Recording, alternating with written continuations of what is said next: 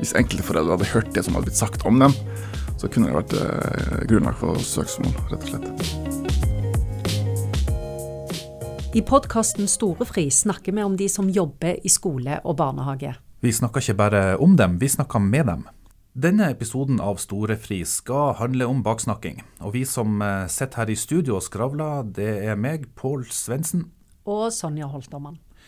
Aller først skal vi snakke med en eh, tidligere pedagogisk leder eh, som kommer hit for å dele sine historier. Vi har valgt å ikke nevne navnet hans pga. Eh, ja, nettopp innholdet i disse historiene. Og så får vi besøk, eller vi har allerede fått besøk av Helge Svare. Han er forsker, og han kan mye om arbeidsmiljø og om baksnakking. Med oss i dag så har vi en 36 eh, år gammel mann som har jobba seks år i barnehage som eh, pedagogisk leder. Ehm, så er det sånn at du har tatt et valg eh, om å tre ut av yrket. Fortell litt hvorfor du har gjort det. Ja, det er fordi jeg bl.a. har møtt, møtt, på et par utfordringer. Og, og I de barnehagene jeg har jobbet i, så har jeg vært vitne til at det regjer en ukultur knyttet til hvordan de ansatte velger å snakke om andre når de ikke er til stede. Og Et mer treffende og direkte ord for dette er baktaling. Og Grunnen til at jeg ønsker å belyse dette tilsynelatende banale problemet, er at det i stor grad har en negativ innvirkning på arbeidsmiljø og enkeltindivider. Uh, og jeg har hatt uh, dårlige erfaringer med det, rett og slett. Mm. Kan, du, kan, du, si noe, noe, konkret om det? Ja. Uh, blant annet når det gjelder tilbakemeldinger, så har jeg møtt på en del utfordringer der. Eh, for som leder så, så er du ofte i den situasjonen at du, du, du, gjør valg. Du må ta avgjørelser, du må administrere. Og på et eller annet tidspunkt så, så vil folk være uenige med deg. ikke sant? Og det som har skjedd meg, er at jeg har ikke fått den tilbakemeldingen om at ting ikke har vært som det skal, etc. Eh, og det som har skjedd da, at eh, vedkommende har på en måte snakket med alle andre enn meg angående det som på en måte var kritikkverdig. Det som jeg personlig måtte ta tak i. Og når hun har gjort det, så har hun samtidig eh, si, fått eh, tillit, fått eh, si, oppslutning rundt hennes syn på meg som leder. Og Så går det en to-tre uker, så får jeg plutselig vite om det. Hvordan, eh, hvordan, får du vite om det? Hvordan hører du det? Nei, Jeg får høre gjennom andre enn den det faktisk gjelder. Altså. Fra, fra kollegaer? Ja, fra andre kollegaer, rett og slett. Ja. Og så jeg, tar jeg og eh, på en måte konfronterer vedkommende med det. da. Uh, ja. Og Men sånn, ja. sånn, helt konkret, det du opplevde Har du et eksempel der du opplevde noe som du, du tenker at var baksnakking? Ja, det, det, for eksempel den situasjonen jeg snakker om nå. Det at jeg ikke ble konsultert med det som faktisk var et problem, men at andre gikk og snakka om det. Og jeg fikk aldri tida til å forsvare meg selv eller eller rette på situasjonen. For alle mine intensjoner er jo å, å prøve å være en god leder og, og dialog, og, nei, å gå i dialog og løse problemer ansikt til ansikt. Det er jo det som på en måte er mitt, eh, mitt, mål, eller var mitt mål som leder. Og når det blir fratatt meg, så, så ja, jeg sitter igjen med en følelse av å bli uglesett. Og jeg kunne heller ønske at vedkommende tok opp eh, kritikken med meg der og da, for det hadde vært så mye bedre enn utfallet. Og og I kjølvannet av det så opplevde jeg en del at når jeg kom inn i et rom, så kunne folk sitte og snakke om uh, meg som person i negativt ordlag. Og det er ingen god følelse. Ikke. Hørte du det, eller fikk du bare den følelsen? Jeg hørte det. For eksempel, hva sa de? Nei, det gikk jo meg om eh, Det gikk på, om, på personangrep, rett og slett. Med karakteristikker om meg som leder. Ja, for eksempel? Nei, at jeg var en uh, håpløs mann. Jeg var en uh, jeg var ikke tilstedeværende person. Det var ikke, jeg var ikke ja. Det var ikke positivt? Det var ikke positivt, ja. ja. Hvordan, eh, hvordan, kjennes det, og hvordan preger det arbeidsdagen din? Nei, For min del preger det meg i den forstand at jeg hadde null tillit til andre mennesker. Fordi det baktales over en lav sko. Ikke bare kollegaer, men også foreldre. De er også en utsatt del av når det gjelder baktaling. For min del så hadde jeg ikke tillit til noen til å f.eks. be om veiledning, eh, eh, snakke om ting som var vanskelig. Eh, be om råd. Det var noe jeg ikke klarte. Så jeg, jeg, jeg personlig jeg satte opp en liten sperre. Så jeg hadde ikke pause sammen med kollegaer etc. Jeg hadde ikke jeg ble vel egentlig en underslutta person på jobben. Hvordan opplevde du at miljøet mellom de andre ansatte var? Det, det er en egen gjeng eh, som går veldig godt sammen, og som kanskje styrer ting litt når det gjelder hva som snakkes om, og, og hva som på en måte er, er i vinden. Mm. Og, men det er, alltid, det er, alltid, noen som er, er utsatt for baktelling. Det er alltid noen som ikke er en del av den gjengen. Altså, Opplevde du at de måtte ha noen å snakke om? Ja, jeg gjorde det. Eh, og det er mye Det foregår mye baktaling i, i de fleste samtalene i barnehagen om de som ikke er til stede. Uh, og det er en ting fleste glemmer, at det, det er mye som er taushetspliktbelagt. Det er mye som er, har ja, Man er underlagt taushetsplikter. Og og ting som på en måte sies på møte og i møtevirksomhet, blir tatt med ut derifra, ut fra konteksten sin og, og blir, blir, blir snakket om, rett og slett. Og Det kan være alt fra hvordan foreldre går kledd, eh, sosiale, sosiale situasjoner i hjemmet etc. Eh, kollegaer. Eh, ja. Når du hørte det, prøvde du å ta det opp med de ansatte? Eh, det var vel der jeg feila litt, å ta opp med kampen. For det, det, er en kultur, rett og slett. Og, og det, det, er en så hverdagslig ting, det med bakdaling, følte jeg da. At det Jeg vet ikke. Men du prøvde? Jeg nevnte vel et par ganger jeg gjorde det. Men eh, som sagt så er det på en måte en akseptert ukultur. Altså det, man vet at det eksisterer, man vet at folk baktaler og snakker om hverandre og gjerne bryter taushetsplikten ofte. Men det, det ofte, måten det blir håndtert på, er at ja, ja, nei, det eksisterer. Det er ikke noe vi kan gjøre med det, egentlig. Det, det ikke... Så kom du, kjipingen, liksom, og skulle få en slutt på den interessante samtalen? ja. Ja. ja, Jeg følte at jeg aldri klarte å være en del av den biten der. Jeg følte at det var mer eh, Ja, at det brøt litt med de verdiene en barnehage skal stå for.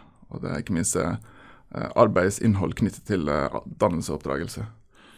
Uh, og så er det interessant å høre da, um, det du sier at en ting var den baksnakkinga, kanskje både mellom kollegaer og i forhold til deg, men også det, det at de baksnakka og snakka om foreldre. Ja, eh, det var ofte sånn eh, når vi hadde møte med foreldre, og da hadde vi ofte det sammen med spesped eller eh, virksomhetsleder.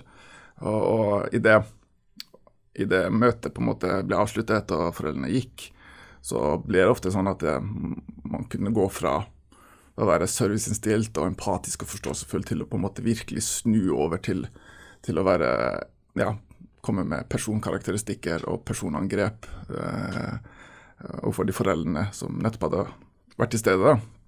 Og det, Hvis enkelte foreldre hadde hørt det som hadde blitt sagt om dem, så kunne det vært eh, grunnlag for søksmål, rett og slett. Var dette, var dette, påstander og ytringer som kom mens barna hørte på, eller ble det sagt på personalrom? Det ble sagt på møterom. På møterom, ja. Personalrom. Men som sagt så var det også ofte at det, det som ble sagt på personalrom og, personalrom og møterommet, ble tatt utenfor konteksten sin. Mm. Og gjerne det kunne bli brukt som underholdning blant personalet, som eh, informasjon man kunne godte seg litt rundt eh, med. og sånne ting. Men du har jobbet i flere barnehager. Var det likt? Ja, stort sett. Mm. Så din konklusjon er at sånn er det bare? Sånn er det bare. Ja. Nå er du jo ikke noen ekspert, eh, det har vi en annen person som skal, vi skal snakke litt med. Men, eh, men, eh, det kunne være interessant å høre hvorfor, hvorfor tror du at det er sånn? Ja, godt spørsmål. Jeg tror det kanskje er at det skyldes at det er kanskje et kvinnedominert yrke. Mm. Ja. Og jeg skal være forsiktig å uttale meg her, da, men, men at eh, kvinner og menn har eh, pleier å vektlegge samtaleevne eh, litt annerledes. Vi pleier å snakke om ting litt annerledes. Vi pleier å eh, ja, prioritere temaer på et annet vis. Eh, så vi har liksom ikke det behovet for å Ja, nei, jeg vet ikke hva mer jeg skal si, egentlig. Ja. Men nå skal du ikke jobbe mer i barnehage, da? Nei. nei. Hva skal du gjøre nå? Nei, det blir vel å finne, finne Mannsdominert yrke? Ja, gjerne det. ja. Jeg tror jeg vil trives bedre i et mannsdominert yrke. det blir fort Altså, det er ikke mange som vet hvordan det er å være mann og jobbe i barnehage, men det kan til tider være litt ensomt. det.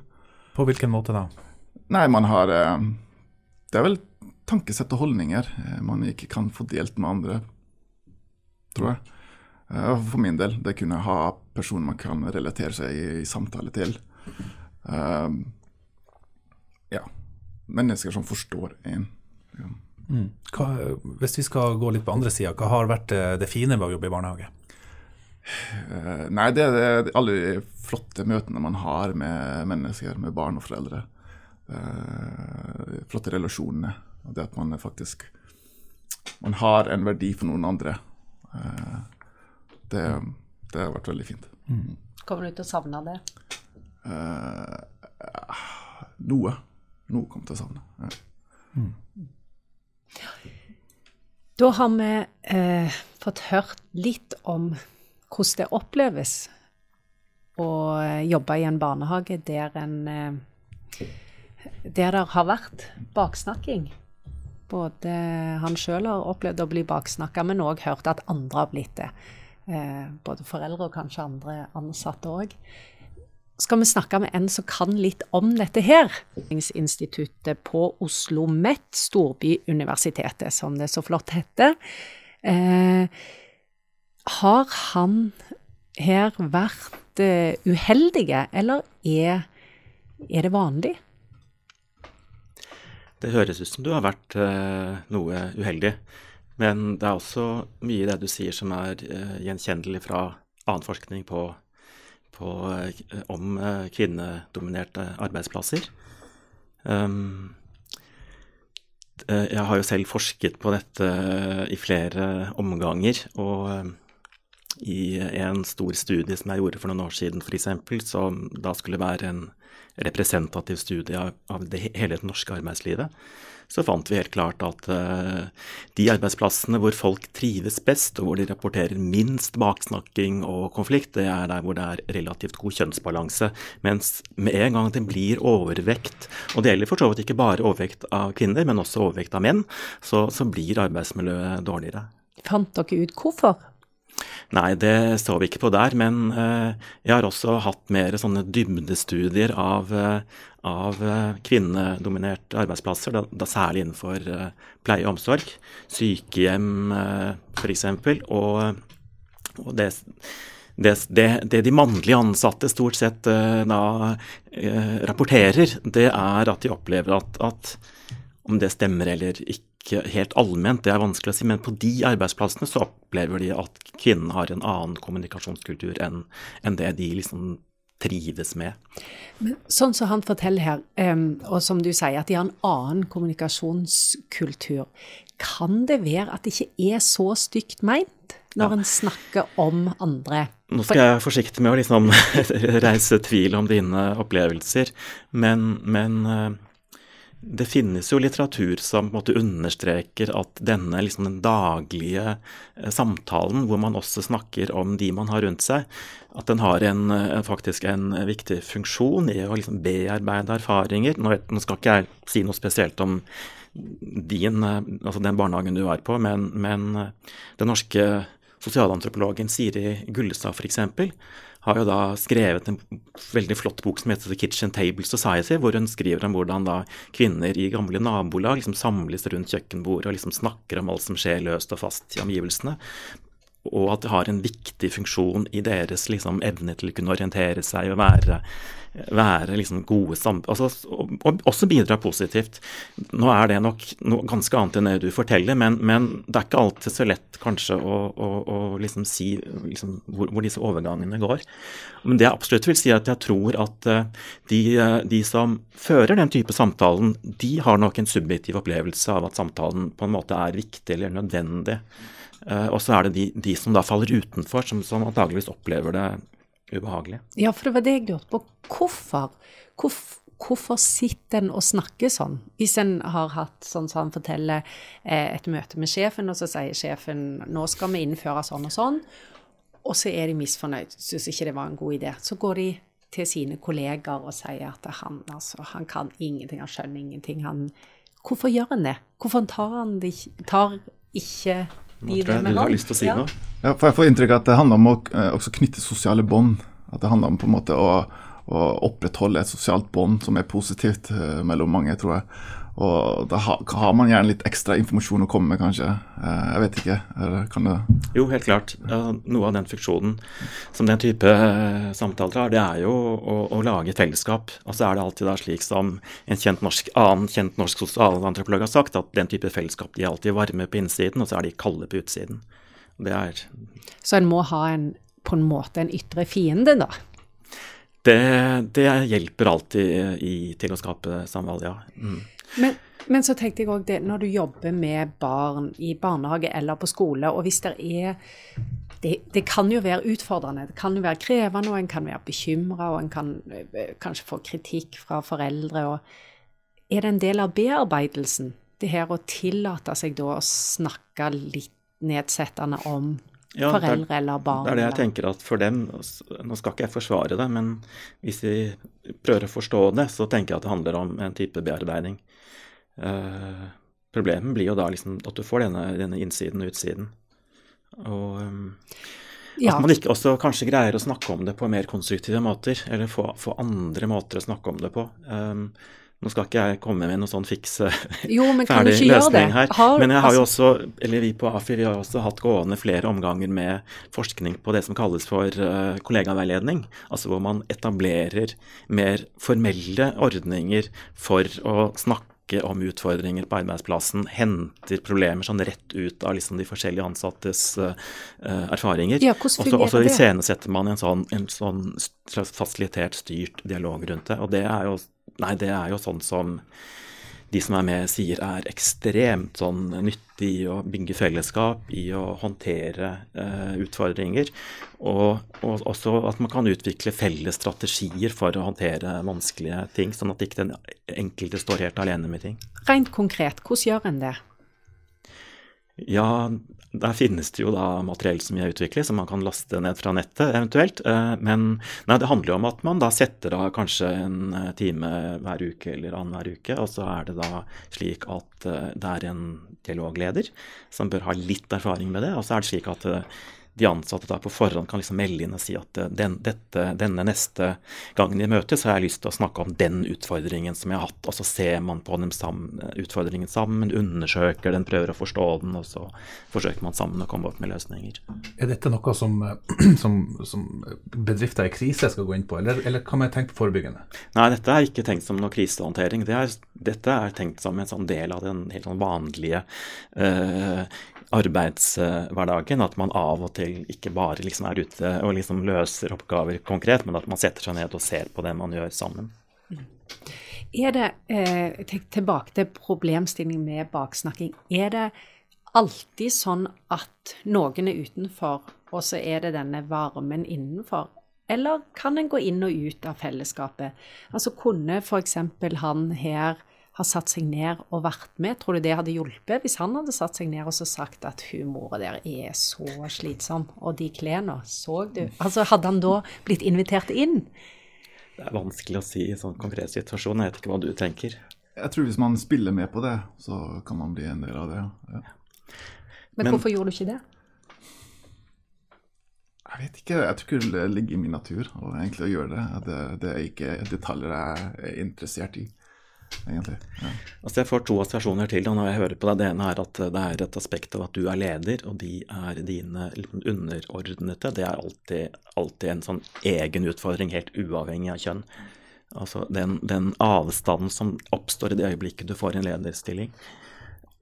Og det andre er at uh, den type kulturer som du beskriver, de vil ofte ha, være veldig sånn vanskelig å endre. Altså det er i, når jeg snakket med, med mine informanter, eh, som, altså mannlige informanter på pleie og eh, på sykehjem, så, så, snakker de om det som sitter i veggene. Altså, altså, Det er noe som sitter i veggene her, og det er jo en metafor for at det er noe som de opplever har vært der lenge og er vanskelig å, å endre. Og ikke at det er umulig, men man må også ha liksom, litt sånn anerkjenne det. Mm. Vi har jo snakka om kvinnedominerte. Det kunne være interessant å høre motsatt. Eh, opplever man noe av det samme på, i yrker der det, der det stort sett er menn? Også hvis vi ser på denne store landsdekkende undersøkelsen igjen, så fant man at, eh, at, eh, det beste var kjønnsbalanse. Og så med en gang det liksom blir flertall av enten menn eller kvinner, så, så blir, det, blir, det, verre. En litt sånn trist ting var at vi opplevde at det, er, det rammer kvinner mest. Det er at faktisk Kvinner klager også over baksnakking og trakassering når de jobber på kvinnedominerte arbeidsplasser, og de klager over det samme når de er i mindretall på en mannsdominert arbeidsplass. Mm. Men det er litt forskjell, er litt forskjell i hvordan det arter seg. og det, det, som da ofte blir sagt, er at uh, mens på kvinnedominerte arbeidsplasser har du denne baksnakkingen, og på mannsdominerte arbeidsplasser så har du mer en sånn, sånn tøff, veldig tøff, litt sånn brutal tone. Som gjør, at, uh, som gjør at folk faller utenfor av den grunn. Ja, for det er det eh, Du sier faller utenfor. Er det alvorlig? Er det alvorlig å jobbe på en, eh, på en arbeidsplass der det er mye baksnakking. Det fant vi også i den studien, at det er en klar sammenheng mellom den opplevelsen av å falle utenfor, å være, være liksom utsatt for, for, den kulturen, og det å liksom få andre f.eks. psykiske plager eller andre helseplager. Eh, så det er klart at det er et stort arbeidsmiljøproblem. Så dette må en ta på alvor?